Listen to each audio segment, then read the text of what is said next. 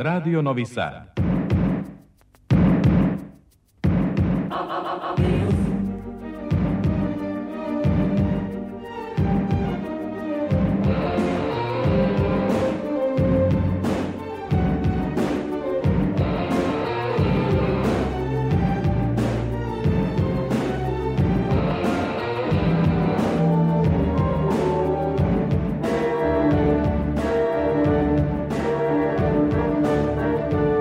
Spektar.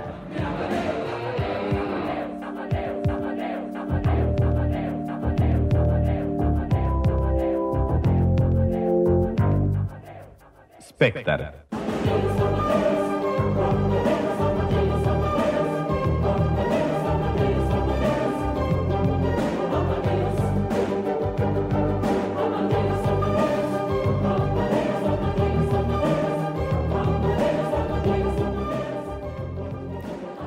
Dragi slušalci, dobroveče. Dobrodošli u Spektar, magazin za kulturu, radio Novog Sada. Današnje izdanje emisije biće u znaku festivala pozorišnih i filmskih.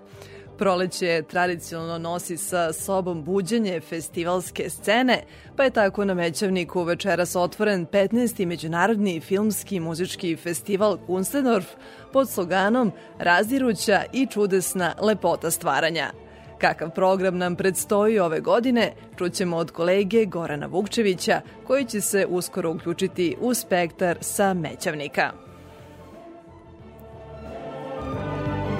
Kada govorimo o sedmoj umetnosti, Počela je prodaja ulaznica za jedan od vodećih festivala dokumentarnog filma u ovom delu Evrope, Beldox, koji će biti održan od 11. do 18. maja na čak sedam lokacija u Beogradu.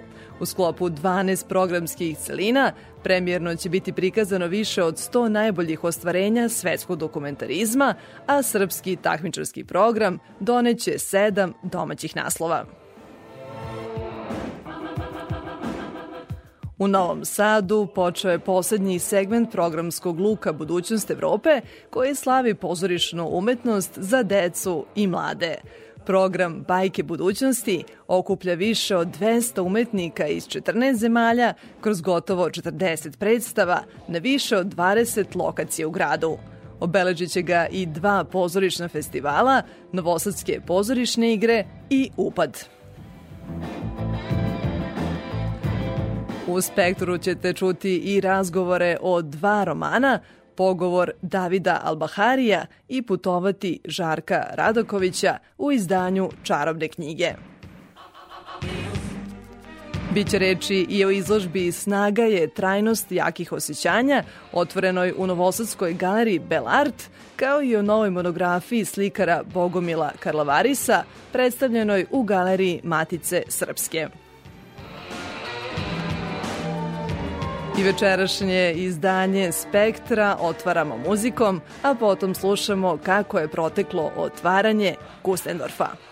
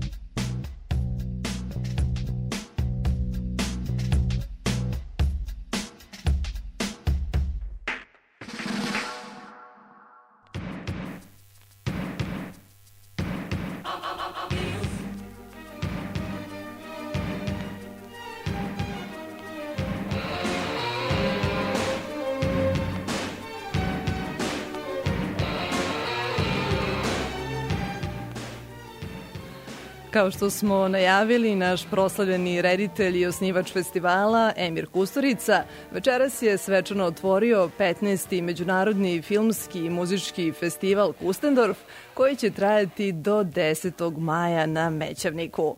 Za slogan je odabrao repliku iz kratkometražnog filma Pazolinija Šta su to oblaci, budući da će festival obeležiti stogodišnjicu rođenja čuvenog italijanskog reditelja. Naš kolega Goran Vukčević pratio je otvaranje festivala i javlja nam se uživo sa Mećavnika. Gorane, dobroveče i dobrodošao. Bolje vas našao, dobroveče i veliki pozdrav slušalcima i tebi Ivana sa ovako pomalo kišno, kišne mokre gore večeras. Ovako pala jedna đurđevdanska kiša. Da, nenajavljeno. E, Gorane, za početak, kakva atmosfera je vladala na otvaranju i da li se osetila neka euforija imajući u vidu da je festival e, prvobitno trebalo da bude održan u januaru, ali je zbog korone pomeren za maj? E, jeste i pa osjeti se naravno jedna, kako bih rekao, suzdržana radost, e, strah od e, neizvesnosti koji dolazi, koji donosi budućnost u ovom vremenu biološko-hemijskih ratova, projektovanih virusa, krize, bukvalnog rata, ekonomskog rata. O svemu tome je govorio profesor Kusturica i naravno ljudi su srećni što se ponovo vide, oni koji prate Kustendorfe već nekoliko godina. Ovo je 15. izdanje festivala, 14. je bilo u egzilu e, u online formatu, na veliku žalost osnivača i centralne ličnosti ovde domaćina Emira Kusturice. Emir Kusturica je e, nagovestio da će se e, festival u buduće menjati termin ukoliko to bude potrebno zbog svega onoga što nam spremaju projektanti novog svetskog poredka, svetska vlada koja je projektovala virus, kor, e, koronavirus e, COVID-19 i, i poželeo je svim gostima, kojih ima iz različitih krajeva sveta, dobrodošlicu u slobodne srpske planine, e, pominjući da i pred 41. godinu e, da se antifašistički pokret iz Bosne i Hercegovine preselio upravo na Taru e, u, u slobodne srpske planine, ovde smo sada na Mokroj gori, i pomenuo je u tom kontekstu i prvog antifašistu na svetu, e, Dragoljuba Draža Mihajlovića, koji je kasnije, nažalost, imao e, tužnu i nesečnu sudbinu i uporedio je ona vremena sa ovim vremenima, sve ovo što se događalo u protekle dve i po godine i što nas, nažalost, očekuje od projektanata novog svetskog porekta. Tako da je to bio jedan ovako vrlo slobodouman govor i profesor Kusturica je objasnio da nije reč ni o kakvoj teoriji zavere, nego o vrlo konkretnoj zaveri u praksi koja želi da ljude potpuno otuđi, da ih pretvori e, u moždane implantate i da ovaj pojedinac bude upravo robot i jedna e, lutka na, na žici, baš kao glavni junaci Pazolinijevog kratkog filma ko, ko, koji si pomenula, e, omaž pa so, liniju, ceo festival je u znaku e, obeležavanja stogodišnjice rođenja jednog od e, jedin, možda naj, najčudnijeg i e, sasvim posebnog reditelja Pjera Paola Pazolinija. E, pomenuo je da je čovjek koji je otkrio da je virus e, e COVID-19 projektovani virus, da je on ubijen, da je ubijen i Pazolini, e, koji je otkrio svetu kolika je neophodnost da sačuvamo ljudsku slobodu, individualnost i slobodu pojedinca. I da kažemo jeli, da, je, da je sve u znaku poslednje rečenice iz kratkog filma Šta su to oblaci Pjera Paola Pazolinija, to je na, rečenica koja je na plakatu, dakle razdiruća i čudesna lepota stvaranja, to je rečenica koja je moto ovogodišnjeg 15. Kustendorfa. Da, i terana razmišljanje svakako, dok mi razgovaramo, u toku je projekcija i prvog filma na festivalu. E, tačno, to je ovaj e, to je film egipatskog reditelja Omara El Zoharija, koji je bio i nagrađen pre nekoliko godina na Kustendorfu. Profesor Kusturica je pomenuo e, da su mnogi autori ovde otkriveni, mnogi danas talenti koji skupljaju nagrade na najuglednijim svetskim e, festivalima, upravo su otkriveni ovde u Drvengradu e, na Kustendorfu. E, film je projekcija u toku, tu je i autor, radi se o egipatskom reditelju, koji će posle projekcije održati i radionicu, dakle, bit će upriličen razgovor sa ovim mladim rediteljima. Kustendorf će tradicionalno ugostiti renomirane filmske stvaraoce, ali i mlade autore iz celog sveta. U takmičarskom programu je ove godine 15 filmova koji, kako je najavljeno, predstavljaju trendove u novijoj produkciji kratkometražnih filmova, ali se izdvajaju po autentičnosti autorskih vizura i veštini izrade. Iz kojih sve zemalja dolaze autori ove godine na festival? Uh, jeste, autori se masovno, mladi autori se prijavljuju iz uh, filmskih škola či, uh, iz svih krajeva sveta. To je već tradicionalno da Kustendorf mora da odabira bukvalno među stotinama prijavljenih filmova. Ove godine su to filmovi naravno iz Srbije, zatim Španije, Nemačke, Izraela, Slovačke, Mađarske, Italije, Rumunije i Severne Makedonije. Naravno da su tu i uh, filmski stvaraoci E, provereni, dokazani, iskusni. Ovoga puta u fokusu su dvojica glumaca, Toni Servillo, italijanski glumac, koga pamtimo iz filma La Grande Bellezza, Velika lepota i naš legendarni Petar Božović. Oni će dobiti one jedinstvene nagrade koje dodeljuje Kustendorf, to su nagrade za buduće filmove. Da, o dobitnicima zlatnog, srebrnog i bronzanog jajeta odlučivaće međunarodni žiri e, koji čine egipatska rediteljka Marijam Abu Ouf, publiciskinja filmova Brigita Portier, reditelji i scenarista Dušan Milić i profesor kamere, stručnjak za vizualne efekte i vizualni umetnik Ivan Šijek. Gorane, ti si već dugi niz godina gost e, Kustendorfa. Šta je to što te iznova vraća tom festivalu i što ga izdvaja od drugih? Da, samo da dopunim, dakle, Ivan Šijak će dodeliti nagradu za kameru, u, u, u, u najbolju kameru svih, u, među svih ovih 15 filmova. E, to je ona nagrada Vilko Filač, koja je sećanja na preminulog reditelja koji je stvarao sa Kusturicom. Ono što je stvarno, po čemu je e, jedinstven Kustendorf, meni je ovo sedmi Kustendorf, e, to je što se ovde nekako neposredno susreću iskusni autori i mlade nove snage koje dolaze, koje predstavljaju budućnost e, kinematografije.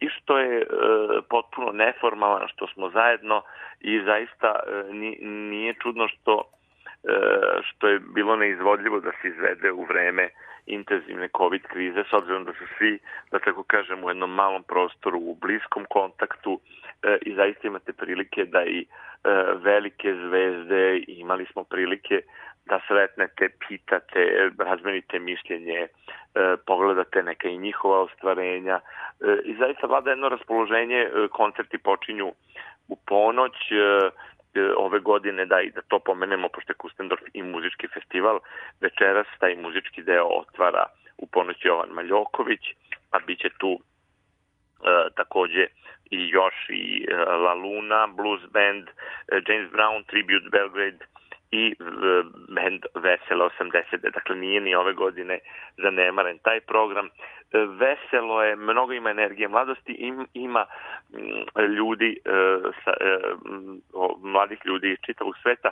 Moram da kažem ipak da se oseti ove godine da je u toku velika kriza i profesor Kusturica rekao da živimo zaista u jednom užasavajućem vremenu i ta senka naravno da je i ovde nad Kustendorfom, ali opet da uliva, uliva nadu to što su se ovde filmski stvaravci ponovo okupili, to uliva nadu neku da će, da će ipak pobediti sloboda. Kada reč o samom programu, šta nas očekuje narednih dana na Mećavniku i šta će to obeležiti ovogodišnji festival? E, pa, e, što, što se tiče ove godine, e, obeležit svakako mladi ljudi koji će koji će dobiti ove nagrade zlatno, srebrno i bronzano jaje Kustendorfa. A vidjet ćemo i neke filmove koji su onako antologija i koje je pažljivo odabrao upravo profesor Emir Kusturica, kao što su recimo Jasrebovi vravci, Pjera Paola Pazolinija, vidjet ćemo e, i film Veštice, Vittoria de Sike, biće, biće tu još, još nekoliko naslova, E, tako da... Da, ta programska celina retrospektiva velikana biće posebno zanimljiva.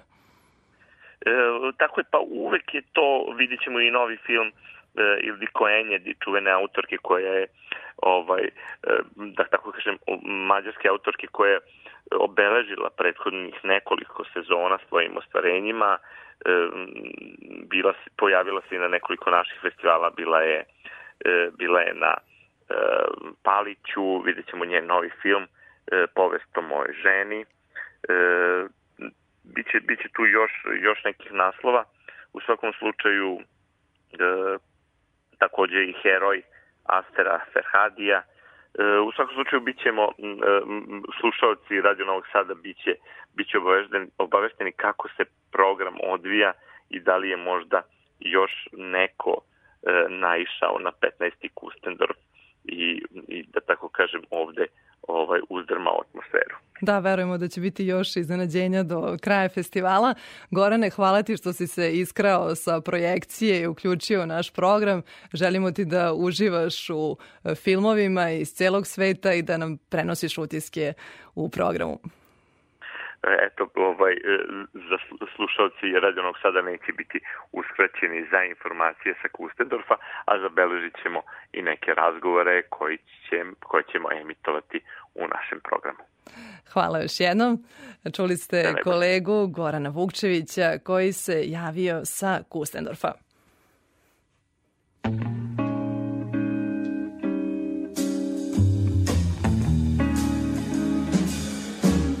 de différence dans toute une existence. Ça n'a pas d'importance, semble-t-il, et pourtant, la vie vous semble crise. 24 heures suffisent pour qu'on la trouve exquise que faut-il simplement? Il faut bien peu de choses, le parfum d'une rose, un sourire qui se pose. Sur vous bien doucement, j'en fais par vous l'expérience. C'est pourquoi je pense que un jour de différence, c'est quelquefois beaucoup.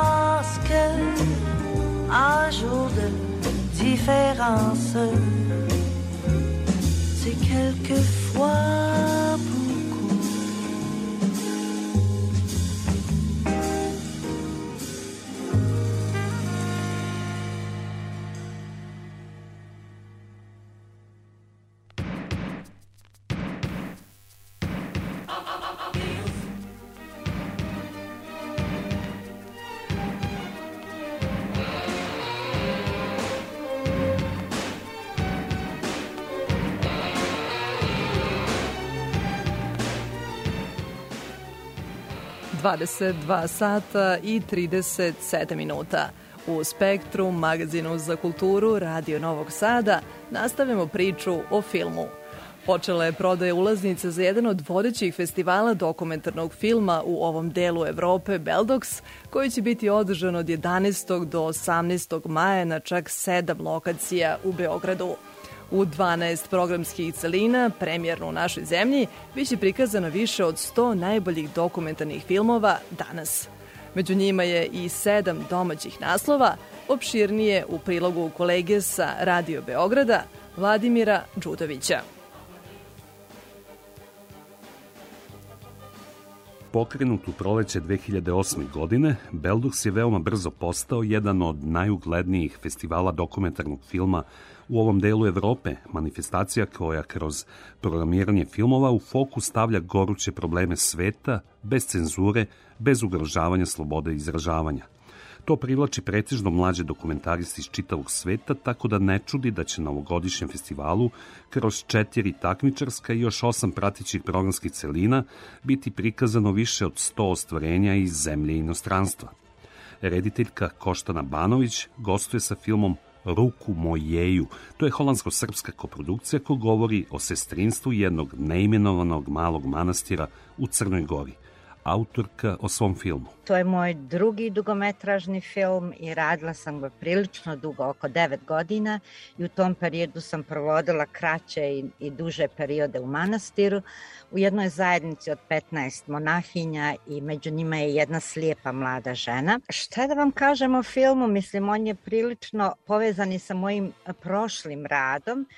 Mene u stvari zanimaju zajednice koje su tako odvojene od nekog, da, da nazovemo, normalnog svijeta koje žive u nekoj vrsti heterotopije, neke utopije koja je u stvari prevedena u tako praktičan život. Ja, motiv za ovaj film je u stvari bilo e, možda i moje prvo iskustvo ovaj, u crkvi i u drugim ritualima ili da kažem obredima.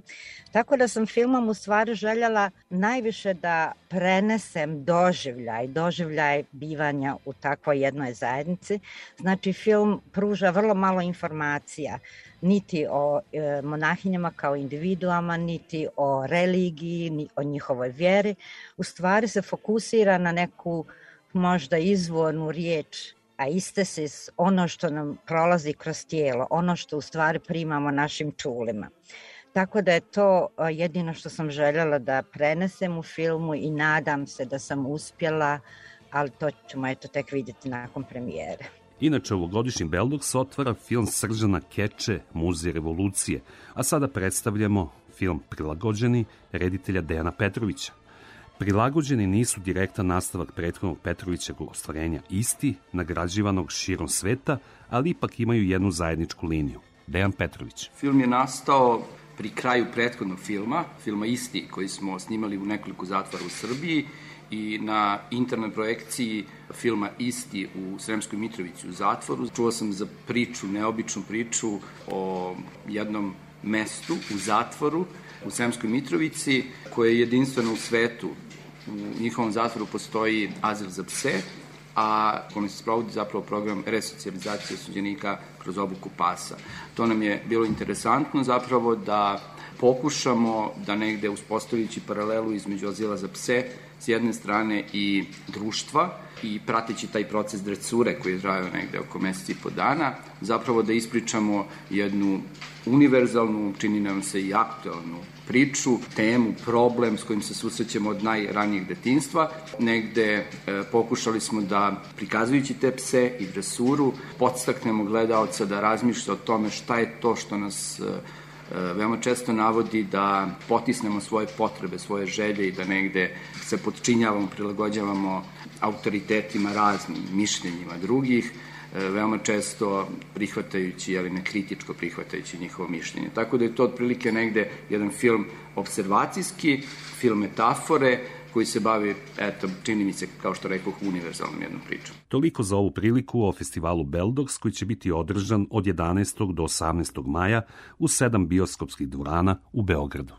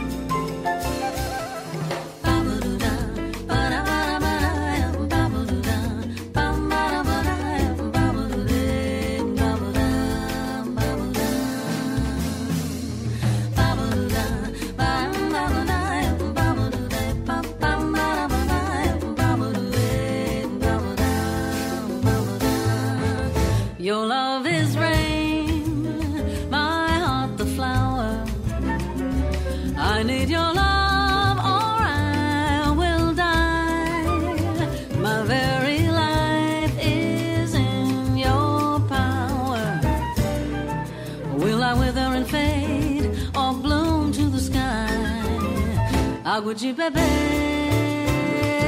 água de beber, camarada. Água de beber, água de beber, camarada. The rain can fall on distant deserts. The rain can fall upon the sea. The rain can fall upon the flower. If the rain has to água de beber, água de beber, tamã, água de beber, yeah, yeah, água de beber, tamã, o chama do para para para.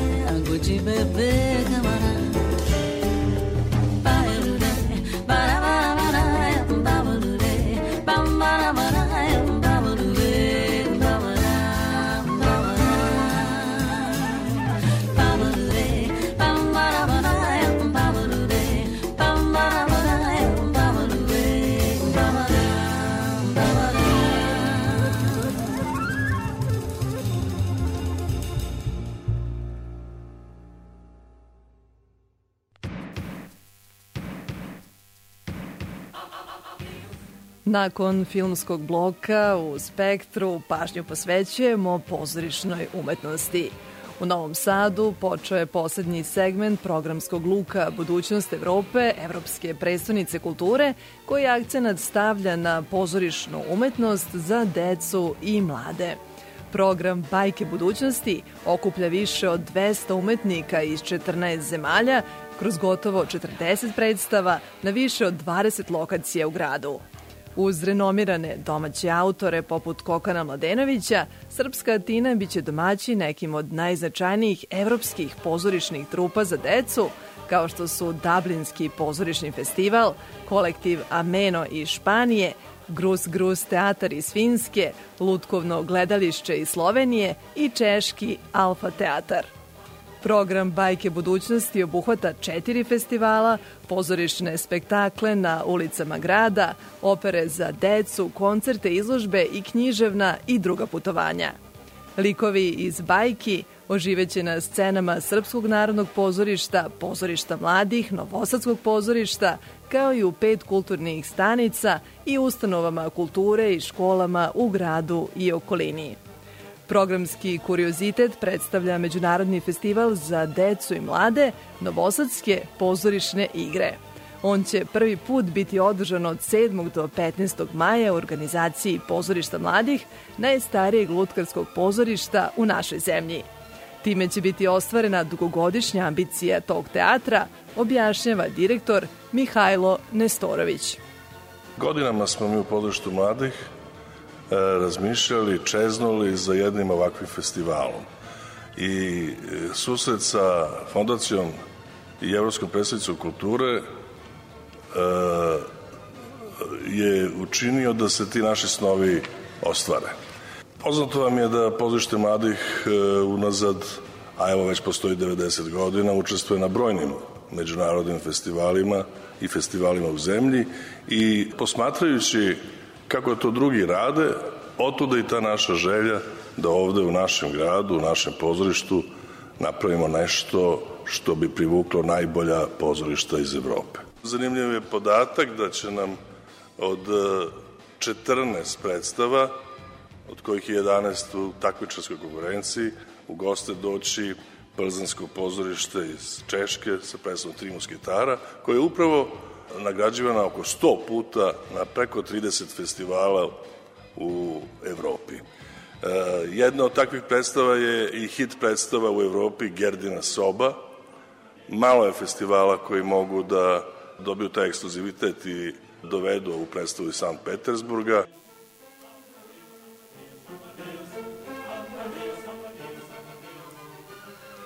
Privilegiju da otvori festival imaće predstava Guliverova putovanja sutra u 19 časova i 15 minuta na otvorenom u centralnom jezgru Novog Sada.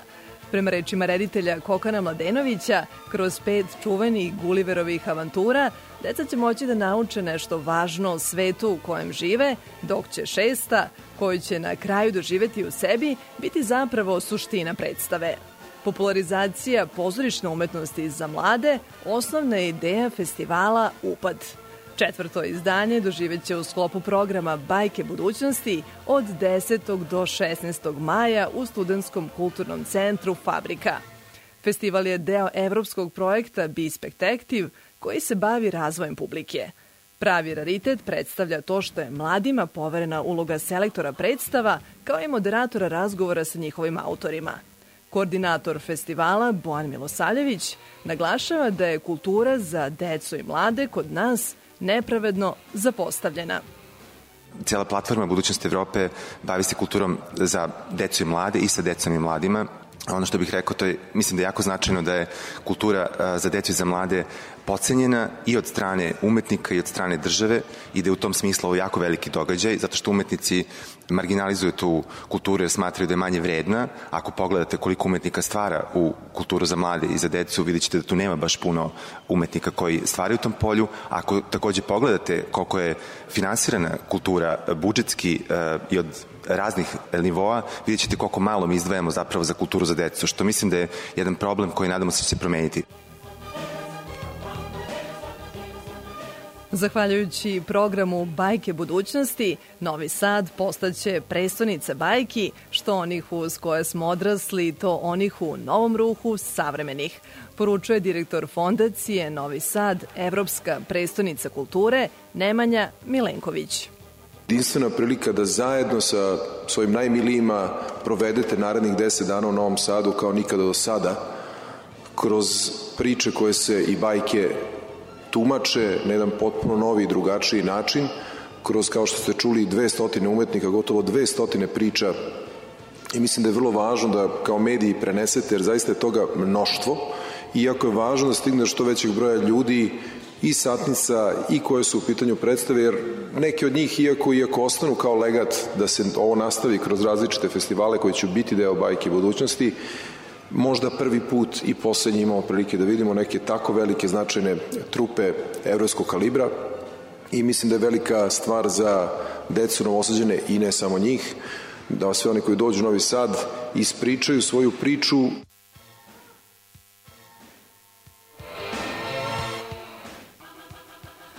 Programski segment Evropske prestonice kulture Bajke budućnosti – trajaće u Novom Sadu do 15. maja.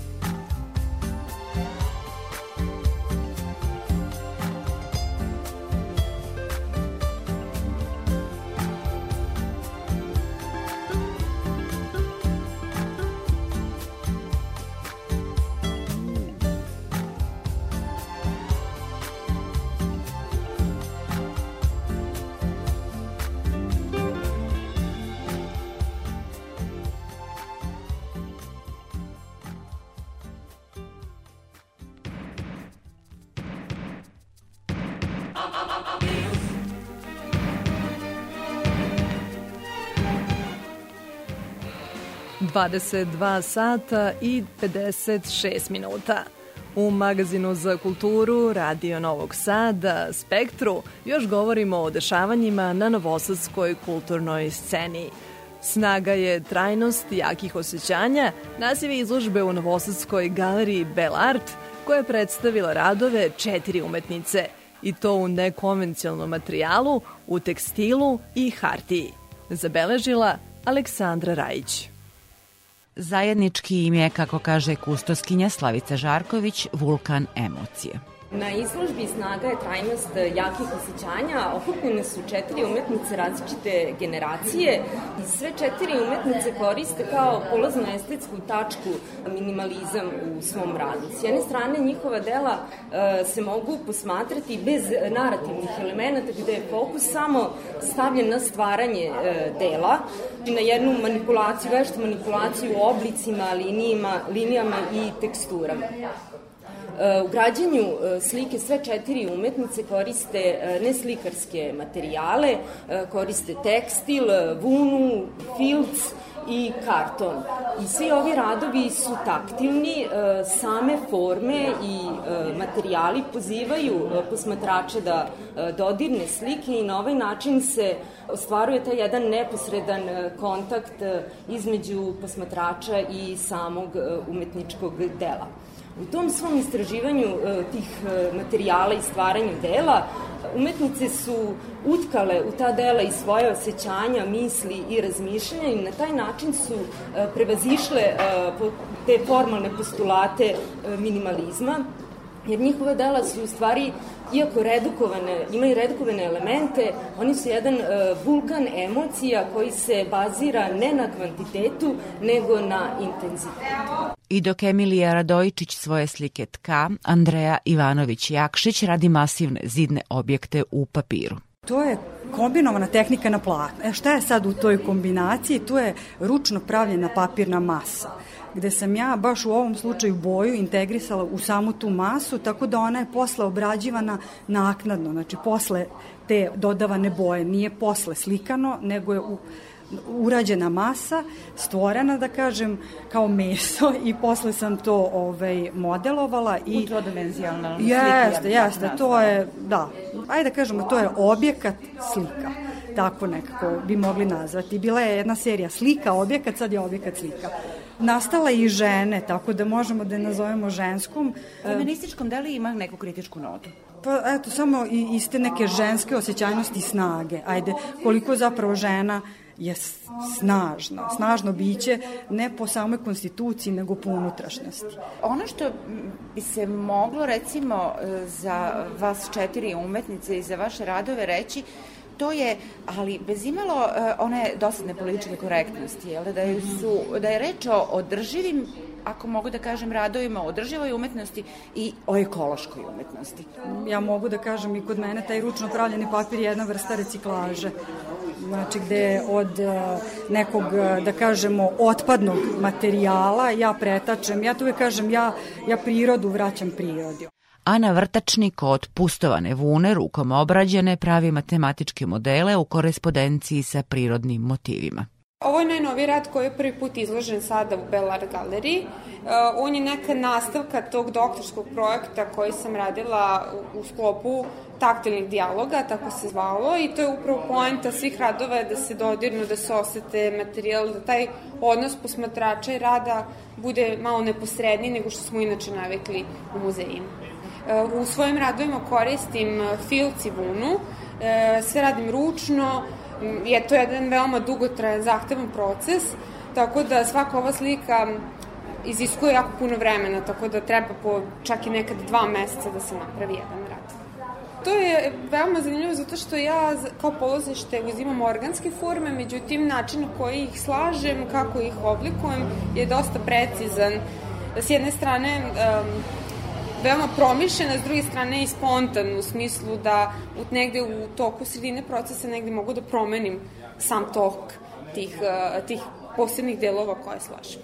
Bosiljka Zirojević šije svoje slike, tačnije objekte. Mogu li se svi ti njihovi rituali nazvati ženskom umetnošću i imaju li feministički kritički ugao?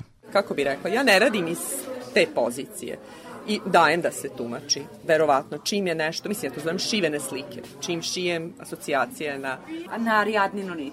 Jeste. Ali to nije početni motiv. To su sada kao neke, neka tumačenja koja mogu, nisu pogrešna, naravno, i mogu da se učitavaju. Meni je drago. Ali kao što ima žensku snagu, ima i mušku snagu, ne razmišljam tako podvojeno. To je jedno jedinstvo, ili što se kaže yin, yang, minus, plus, kako god. Ali meni zapravo ta vrsta materijala i tehnike proizilazi iz toga što ja od početka, sad već dosta dugi niz godina, mogu bi se reći decenija, radim sa različitim materijalima i to je ono što je meni izazov umetnosti, da ja savladam neki materijal. E sad što je na red došao, mislim na red, ima već jedno deseta godina, paralelno sa aluminijumom, plastičnim pločama, staklom i tako dalje. I ovaj materijal negde sam da ja prevela u moj taj minimalistički, uh, minimalističku obradu i materijala i motiva, dalje se drži geometrijske abstrakcije, jer mislim da sam materijal govori za sebe i njegova taktilnost, obojenost, nekad su oni ahromatski, ovo sad su obojeni materijali koji su već tako industrijski obojeni, znači njih sam ih ja bojila. Tako da iz te pozicije krećem, a sad sve ovo ostalo i, na primer, zajedno, kao ova zajednička izložba koja je imala tu vrstu motiva, mm, sasvim sam u redu sa tim. Aha. Sve četiri se bavite uh, tekstilom, zapravo uh, Andreja radi papir, ali to je na neki način slična materija. Da, da li je anahrono u odnosu na neke savremene medije? Da bi rekla tako, možda, da, ako bi gledali kao digitalne i nove medije, ali mislim da u današnjem vremenu to je toliko široko i to je, to je prosto svaki umetnik nosi svoju aktuelnost i, i svoju vrstu angažovanosti. Tako da, ako bi se gledalo prema to, sad da, koliko koristim nove tehnologije, to je nešto što meni nije svojstveno, ne koristim u radu, prosto treba druga vrsta koncentracije i pristupa, ali e, mislim da samim tim što radimo u materijalima koji su netipični, netradicionalni slikarski, ovo zovemo slike, ali ja isto svoje slike zovem objekte, tako da mislim da i koleginice isto imaju taj pristup. To sad što se to kači na zid, pa može da se čita kao nešto anahrono, može, ali mislim da su ovaj materijali i način kako mi savladavamo te materijale, kako radimo, mislim da je to nešto što je...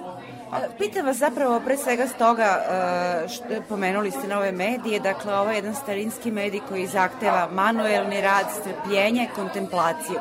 S te strane, da li je anahrono u odnosu na nove medije? E, kako doživljavate vreme, prolaženje vremena, prostor, svet kad se bavite svojim radom? Dobro, da, tako postavljeno, svaka čast. Vidi se da ne razmišljam kroz tu prizmu. Da, da. Ovaj, mislim da i rad u digitalnim medijima takođe podrazumeva tu vrstu poniranja u samog sebe. Sad, da li je kao alat manuel i, tam, i tamo ima svih tih faktora, samo zavisi od umetnika kako koristi. Ali jeste um, ta porinutost u samog sebe i, i emotivno i naravno manuelno, ja moram reći da meni manuelno leži. Ja sam još kad sam završila akademiju shvatila i dan danas slikam u tradiciji, ali manuelni pristup da ja nešto pravim i gradim je prevajarski. Tako da je to što ja radim u materijalima zapravo ta vrsta e, dvojstva u slici. To digitalno, anahro, mislim da je samo stvar u olatima sad su aktuelni ili da kažemo novi digitalni, već je video prevaziđen, fotografija je prevaziđena, nekada je to bilo jel, nešto što je novo. Tako da to su divne stvari koje se dešavaju u ovom vremenu, u svakom vremenu, što dolaze novi alati, nove mogućnosti i ova sloboda da... A stara ima ko da brani. jeste. U stvari mi, mi to radimo na neki drugi način. Znači to što sad ja šijem slike apsolutno nije tipično. Ima jako puno umetnika koji se bave tekstilom kao gradivnim materijalom. Pa evo uh, Ana koja je, ja, pošto obe radimo na akademiji, Ana Vrtačnik i ja, ja se šalim da smo mi tekstilna ovaj, sekcija. Ali o, pristupamo, jako koristimo ajde kažem, tekstilni materijal kao gradivni na različite načine, iz različitih pobuda i motiva. I to je ta lepota različitosti, negde sličnosti, evo, tu smo ovaj, okupljene oko nekog sličnog narativa, ali zapravo kad bi se razložilo, ovaj, različiti su pristupi. Izložba četiri umetnice biće u galeriji Belart otvorena do 4. juna.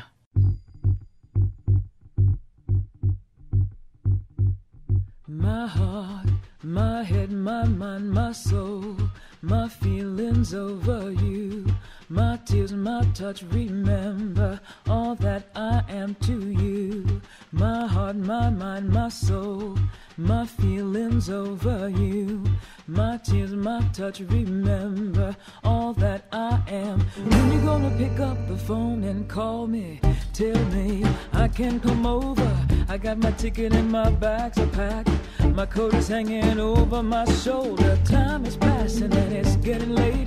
This heart of mine just can't wait. After all that we've been through, I made a gift. I wanna give it to you, baby. My head, my mind, Yeah. I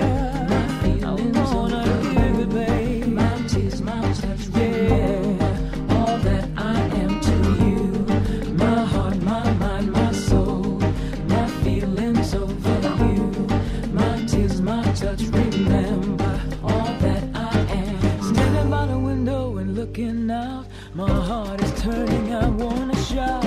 You're complicated, I don't wanna complain. The way you're acting, can you explain? Will all this love be wasted on you? Can I live without all that is you? You say you love in silence,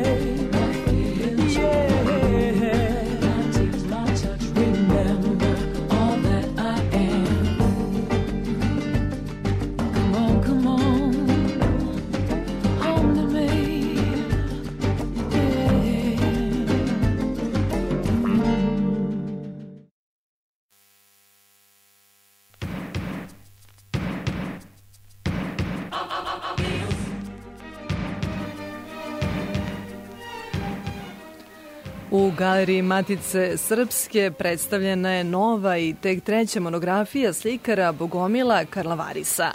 Rezultat je višegodišnjih nastojanja porodice, pre svih Ivana Karlavarisa, do životnom delu svog oca ostavi relevantan pisani trag.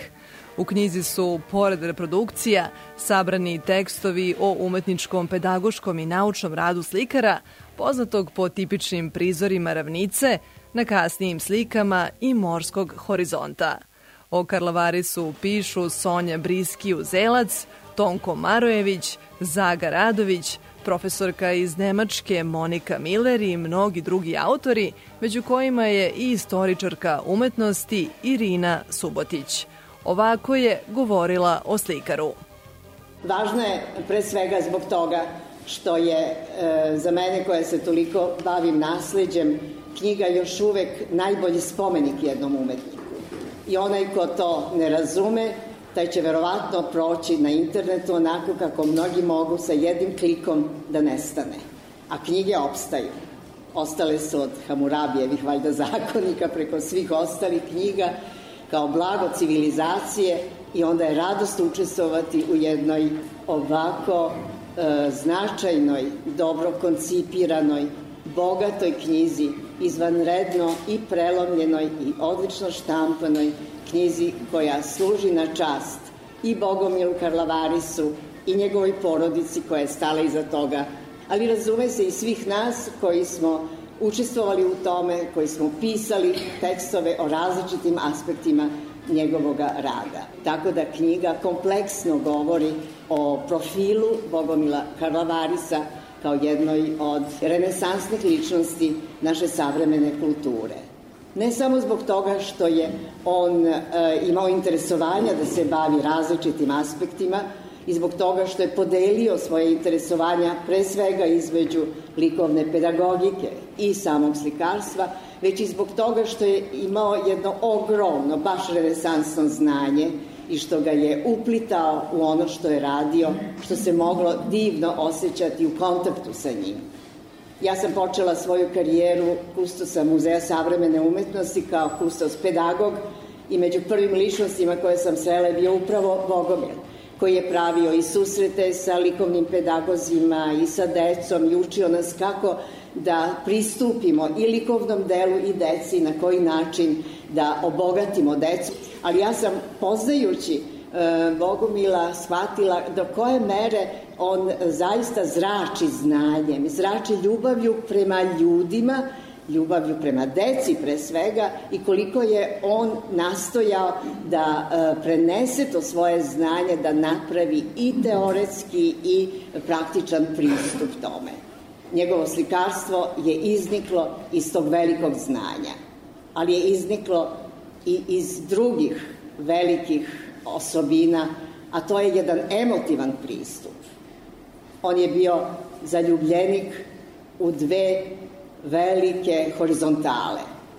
Jedna je horizontala Panonskog mora, te ogromne bogate ravnice koju on ume da prenese, kao što i na ovoj slici, sa uh, više ili manje usplahirene boje, ali tišine i mira, samo sa ponekim vertikalama koje obeležavaju to beskrajno Panonsko more, a drugo je Jadransko more i taj njegov kvarner koji je od poslednjih godina, kada je sve češće u, u, u Kastavu boravio, slikao na manjim i većim kompozicijama gde je ta plava boja koju je on toliko dobro osetio kao plavo nebo ravnice, pretočio u plavetnilo njegovoga mora, gde je takođe horizontala bila nešto što je dodir sa svetom, nešto što traje duboko u daljinu, što je gotovo bez završetka i bez horizonta. I to su slike koje odišu jednim takvim smirajem i sa jednom takvom posvećenošću da ja mislim da ne može da čovek bude ravnodušan pred njima, da mora da oseti i tu prirodu i umetnika koji je sa takvim emocijama pristupio slikanju te dve e, strane iste ličnosti.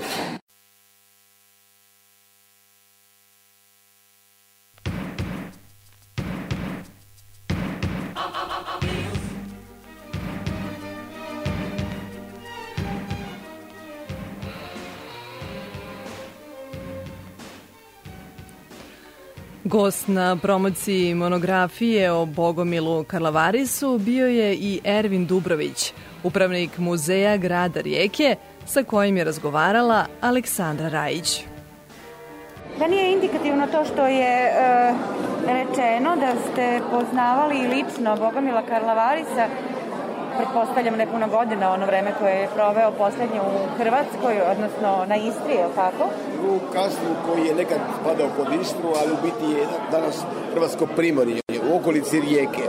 Šta je to što ste saznali o njemu kao susedu čoveku e, u odnosu na ono što ste poznavali njega kao umetnika? Poznavao sam samo njegov vojvođanski ciklus, ne, ne previše radova, i nisam ga znao naravno osobno i nisam znao niti prezime što je, odakle je i tako. Tako da kad je on došao u Rijeku početkom 1980-ih kao profesor, već ugledni, dakle sa reputacijom profesora na, na Akademije likovnih umetnosti u Beogradu dolazi u Rijeku, to je smatralo se velikim dobitkom. Onda se pročulo i da je naš, da je zapravo rodom, porijeklom iz Kastva, iz Primorja, dakle, pa je to bio dodatni još ovako element koji mu je davao važnost. Kao naš čovjek dolazi iz svijeta pa se vraća doma i time smo se na neki način i oplemenili. Dobili smo pravu akviziciju i dobili smo pravog znalca, nadaleko čuvenog kao likovnog metodičara prije svega. I tako da je to bilo za mene zanimljivo. A onda sam napisao čak i jednu jedan prikaz njegove izložbe prije nego sam ga upoznao, koji nije bio najpovoljniji. Njegove mi se slike, baš te koje je tada izlagao, nisu osobito svidjele. Pozna... A danas da?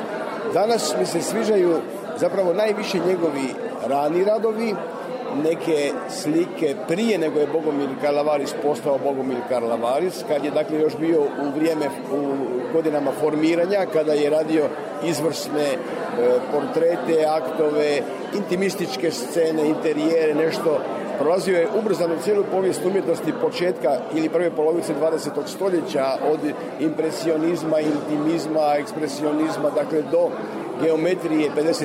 godina i te slike su mi bile atraktivne jer sam ga ja upoznao već kao formiranog čovjeka koji je izrazito e, racionalni umjetnik koji racionalizira sliku, koji je geometrizira, ali nikad ne do kraja, uvijek ostane prizvuka života, prizvuka materije, prizvuka ovoga. Tako da mi je bio zanimljiv, evo po tome kao osoba smiren, staložen, djelovao mi je e, jedan čovjek koji je mudar zapravo, koji pokazuje tu životnu staloženost, mir, čak i udar se prima staloženo, pa je primio i tu moju kritiku, nije mi previše zamjerio malo jest u početku, ali smo se kasnije počeli družiti. Ja sam dolazio rado u njegovu kuću u Kastvu, to je bilo tako nekako toplo. On je dao svojom osobom i pečat ambijentu u kojemu je živio, zajedno sa suprugom Ute. Dakle, to je bilo jedno ugodno mjesto za boravak i za druženje s intelektualcima. Ja sam njih više doživljavao kao intelektualce nego kao umjetnike, makar i, Ute, ona je bila profesorica njemačkog jezika na univerzitetu i ona je radila neke likovne stvari, batik i tako, ali su meni, oni više bili recimo intelektualci nego umjetnici i kod njih mi je bilo dobro. A onda se dogodilo da sam postao direktor i ravnatelj muzeja grada Rijeke, pa je nekako brzo nakon mojega imenovanja došao Karla Varis sa idejom da bismo mogli raditi njegovu retrospektivu. Tada je već bio i čini mi se u penziji jer je već imao dakle to je već bilo 90. sredinom 90-ih, a on je rođen 24. dakle pretpostavljam da je sa 70 otišao negdje u penziju, tako da je e, ta ideja o retrospektivi proizašla zapravo naravno od njega osobno, ali i od društva likovnih umjetnika Rijeke i mi smo je rado prihvatili jer je on bio ugledan slikar i zanimljiv čovjek, pa nam je to bilo važno. Dakle, istovremeno smo radili retrospektivu i tu prvu riječku monografiju.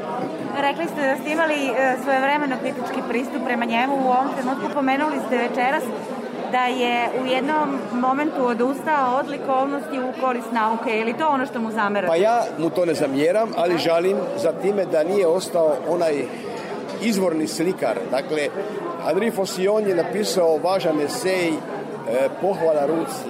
Ta ruka u vremena kada je slikarstvo počelo biti intelektualizirano, previše intelektualna kategorija, više nego neposredno i spontano umjetnička, to, taj preokret je izazvao evo i kod jednog uglednog teoretičara i historičara kao što je bio Andri Fossion, potrebu da oda priznanje ruci onome što je izvorno.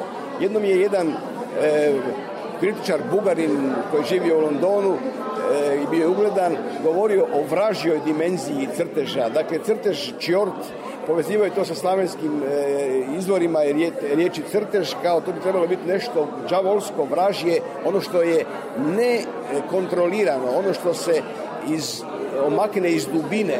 Slika je nešto što se kontrolira, nešto što se dozira, ali crtež je nešto elementarno. Ta snaga crteža ili slabost crteža se vidi i nemoguće ju je sakriti. Karlavaris je imao tu snagu crteža koja je bila, koji je bio izražajan, koji je bio moćan.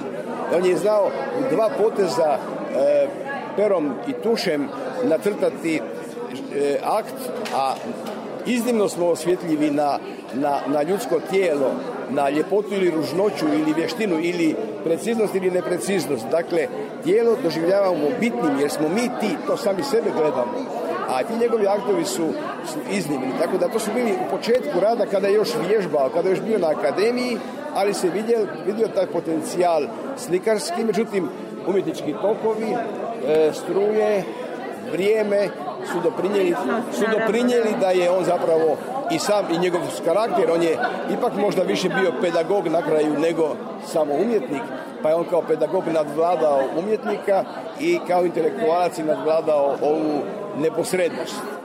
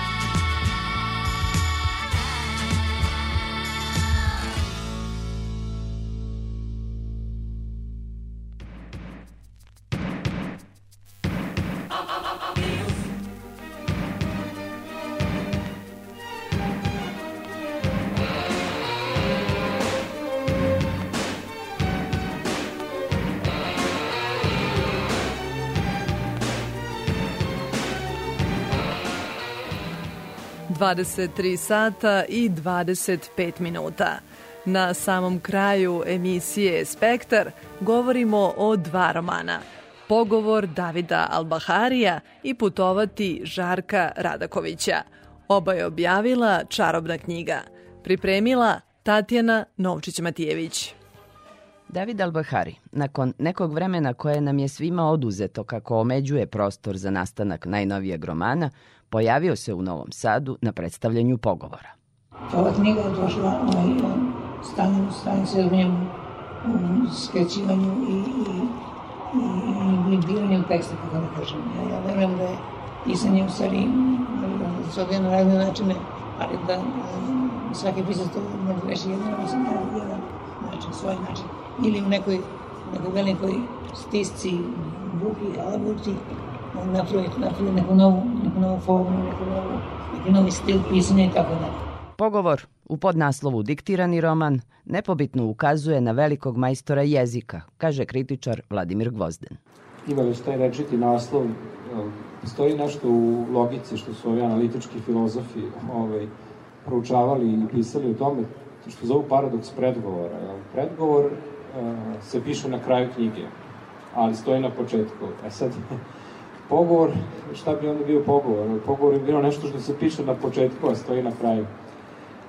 To je ovde vrlo zanimljivo izvedeno kod Davida Albaharija zapravo na nivou isto priče, na nivou narativa, gde, kako neki su ocenili, se on vraća nekim svojim ranijim, ranim romanima i knjigama, što je tačno, ali možda i nije, ili je samo delimično tačno.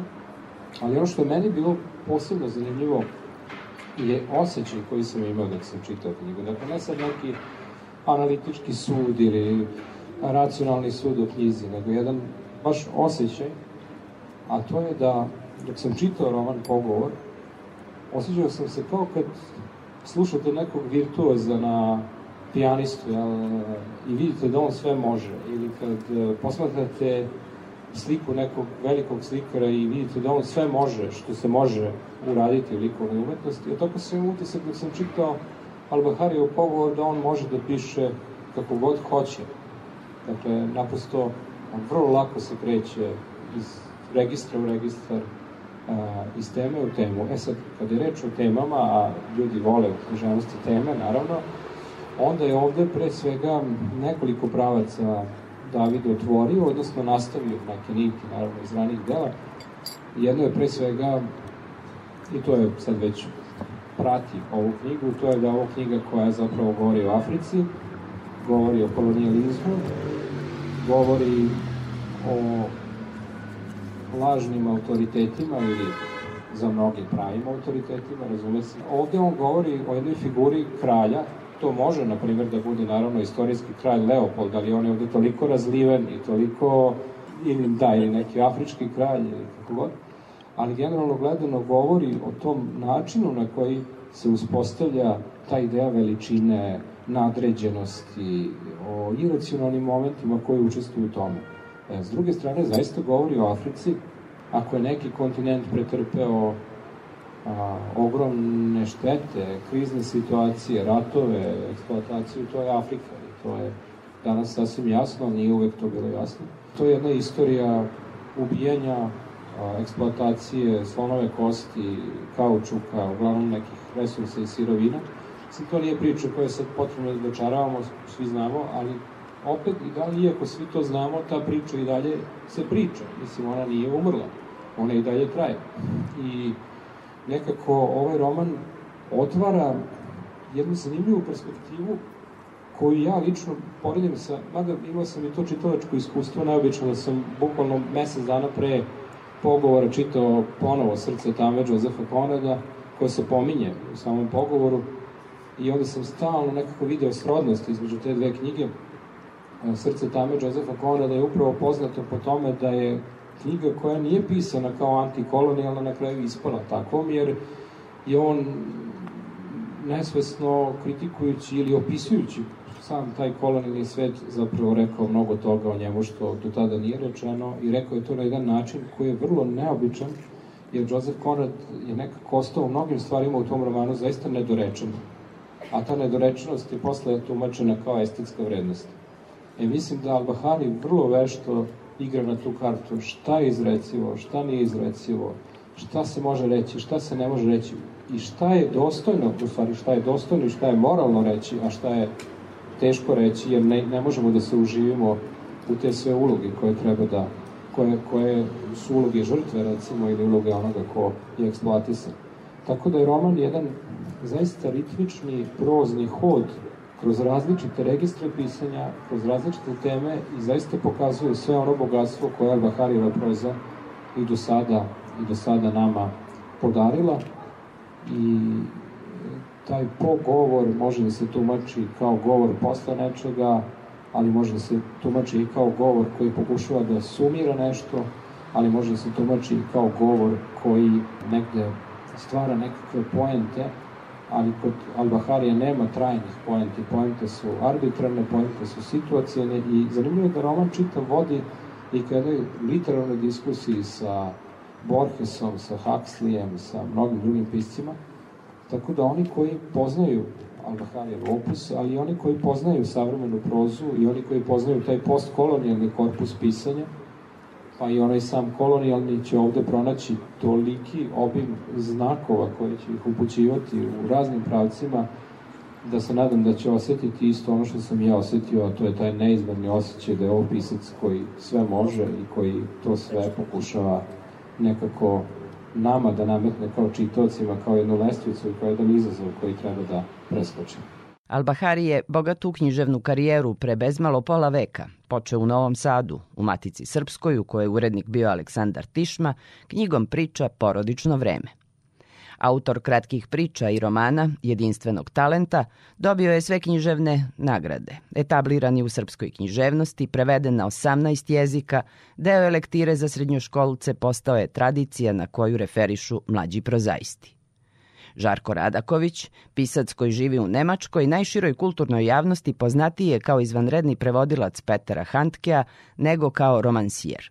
O najnovijoj knjizi Putovati kaže S jedne strane sam želao uvek da budem najčvršće strukturisan u nekim okvirima, a s druge strane nikako nisam mogao da se pomirim sa tim nekim stanjem u određenom nekim granicama. Otuda kod mene ne postoji nikakva ljubav, nikakva težnja kao nekom žanrovskom određenju da bude šta je za roman. Ja ne znam da li je ovo roman, a govori se o tome da je to roman. To su sve nekako stvari uslovne, znate. Znači, ja sam ovde pisao knjigu o putovanju. E sad, moram da kažem, neko me nedavno pitao šta je to putovanje kod mene. Pa znate šta, putovanje kod mene je bilo stravično bitna stvar. Ja sam bio zaposlen koji svi ovde, mislim, u određenoj firmi, radio sam toliko i toliko sati dnevno. Ja sam imao jako malo vremena za pisanje. I još prevođenje isto tako, čim sam se takođe bavio. Znači, moji izlasci iz toga svega su bili mogući u svet pisanja, baš na putovanju. Ja sam svake godine, ne znam, morao nekoliko puta da otputujem, ne samo zbog toga da bi, da bi doživo, ne znam, da bi se odmorio i šta, znam, rekreirao, da bi mogu ponovno, ponovno da radim, nego upravo da i mogu da pišem. Dakle, svaki put, svako putovanje, bez obzira, gotovo da mi je bilo sve jedno, moja žena, ona je određivala, idemo tamo i onda krenem i zna se, mislim, imao sam svoj neki ritam na putovanju, koliko časova dnevno sam provodio pišući. I tako sam skoro sve napisao na putu. E, kasnije, mislim, kad sam stekao mnogo više vremena za, za, za pisanje, dakle, bez ovog posla, kad sam se odvojio od, od, od, od svakodnevnog posla, onda sam pomislio, možda bi bilo vreme, do, došlo je vreme da zaista promislim šta je putovanje uopšte, jer sam toliko, ono, dakle, dakle, počeo sam, želeo sam da pišem, i to sam uradio u ovoj knjizi, o samom putovanju. I to je u stvari knjiga o putovanju. Šta ono za mene znači? Ja nikada nisam pisao ono što se zove pripovest u nekom klasičnom smislu, naracija, nisam fiks, fingirao stvari, nisam nikada ništa izmišljao. A ako sam izmišljao, a jesam takođe veoma mnogo, onda je to bilo baš u tome, te nekim mikrostrukturama. Ja sam se u stvari u svojih knjigama ponašao u proznim knjigama ponašao kao neki pesnik, dakle kao pesniku koji je jedan stih možda važniji od ne znam koliko celina. Kod mene su tu nizovi raznih sitnih nekih ili malo nešto krupnijih, sek, manje, manje sitnih sekvencija. Kritičar Vladimir Gvozden, Radakovićev poetički pristup definiše kao subverzivni. Ovde je reč zapravo u jednom momentu sjajno izraženo u samom romanu da zapravo ovde pripovedanje jeste bežanje od doživljaja, a ne sakupljanje doživljaja. I zaista čitav roman na jedan vrlo zanimljiv način i uvedljiv način jeste dekonstrukcija pre svega i samog, same teme putovanja i samog pripovedanja, po čemu je Ljaković i poznat, i razlaganje samih granica pripovednog postupka, Tako da u romanu Putovati ima nešto zaista subverzivno. Roman mnogo govori o nečemu što, o čemu se inače mnogo govori, a to je odnos prema prošlosti, kako se može rekonstruisati ta individualna, lična prošlost, kolektivna prošlost, ali opet kroz ovu prizmu koju sam naveo, kroz zapravo želju da se ispita sama mogućnost povratka u prošlost, sama mogućnost pripovedanja, da dočara tu prošlost. A, jedna lepa sintagma dočarava to što Radaković čini, odnosno pripovedač, a, blagotvorna beznarativnost. A blagotvorna beznarativnost, kakva bi to beznarativnost, ili neki kažu naratozi, disnaracija, raznih termina koji se upotrebljavaju. A, šta ta blagotvorna beznarativnost onda znači? Šta ona donosi nama kao čitavcima? Pa ona donosi pre svega ono što Roland Barthes zove zadovoljstvo u tekstu. Kao, kao kad bi smrt, kako bi smo smrt priče je rađenje zadovoljstva u tekstu. Dakle, umesto onih klasičnih zapleta imamo mikronarative i mislim, ako je neko trenutno majstor u savremenoj književnosti tih mikronarativa koji se opet razlivaju i grade neki veći narativ, to je svakako Žarko Radaković i svakako je roman Putovati potvrda toga. Dakle, mikronarativi koji se slažu, koji se strukturiraju i koji grade određeni e, ritam, koji grade određenu, upotrebit ću jednu reč koja može da se shvati pod navodnicima, lepotu pripovedanja, lepotu pripovesti. Žarko Radaković i David Albahari dugogodišnji su prijatelji. Koautori su dve knjige o muzici i o fotografiji.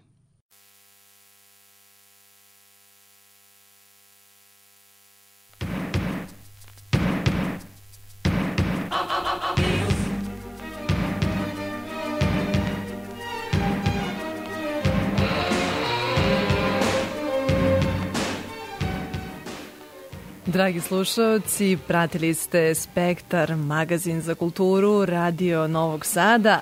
Moje ime je Ivana Maletin Ćorilić i pozivam vas da i narednog petka slušate priče o akterima koji kreiraju savremenu kulturnu scenu. Prijetan vikend!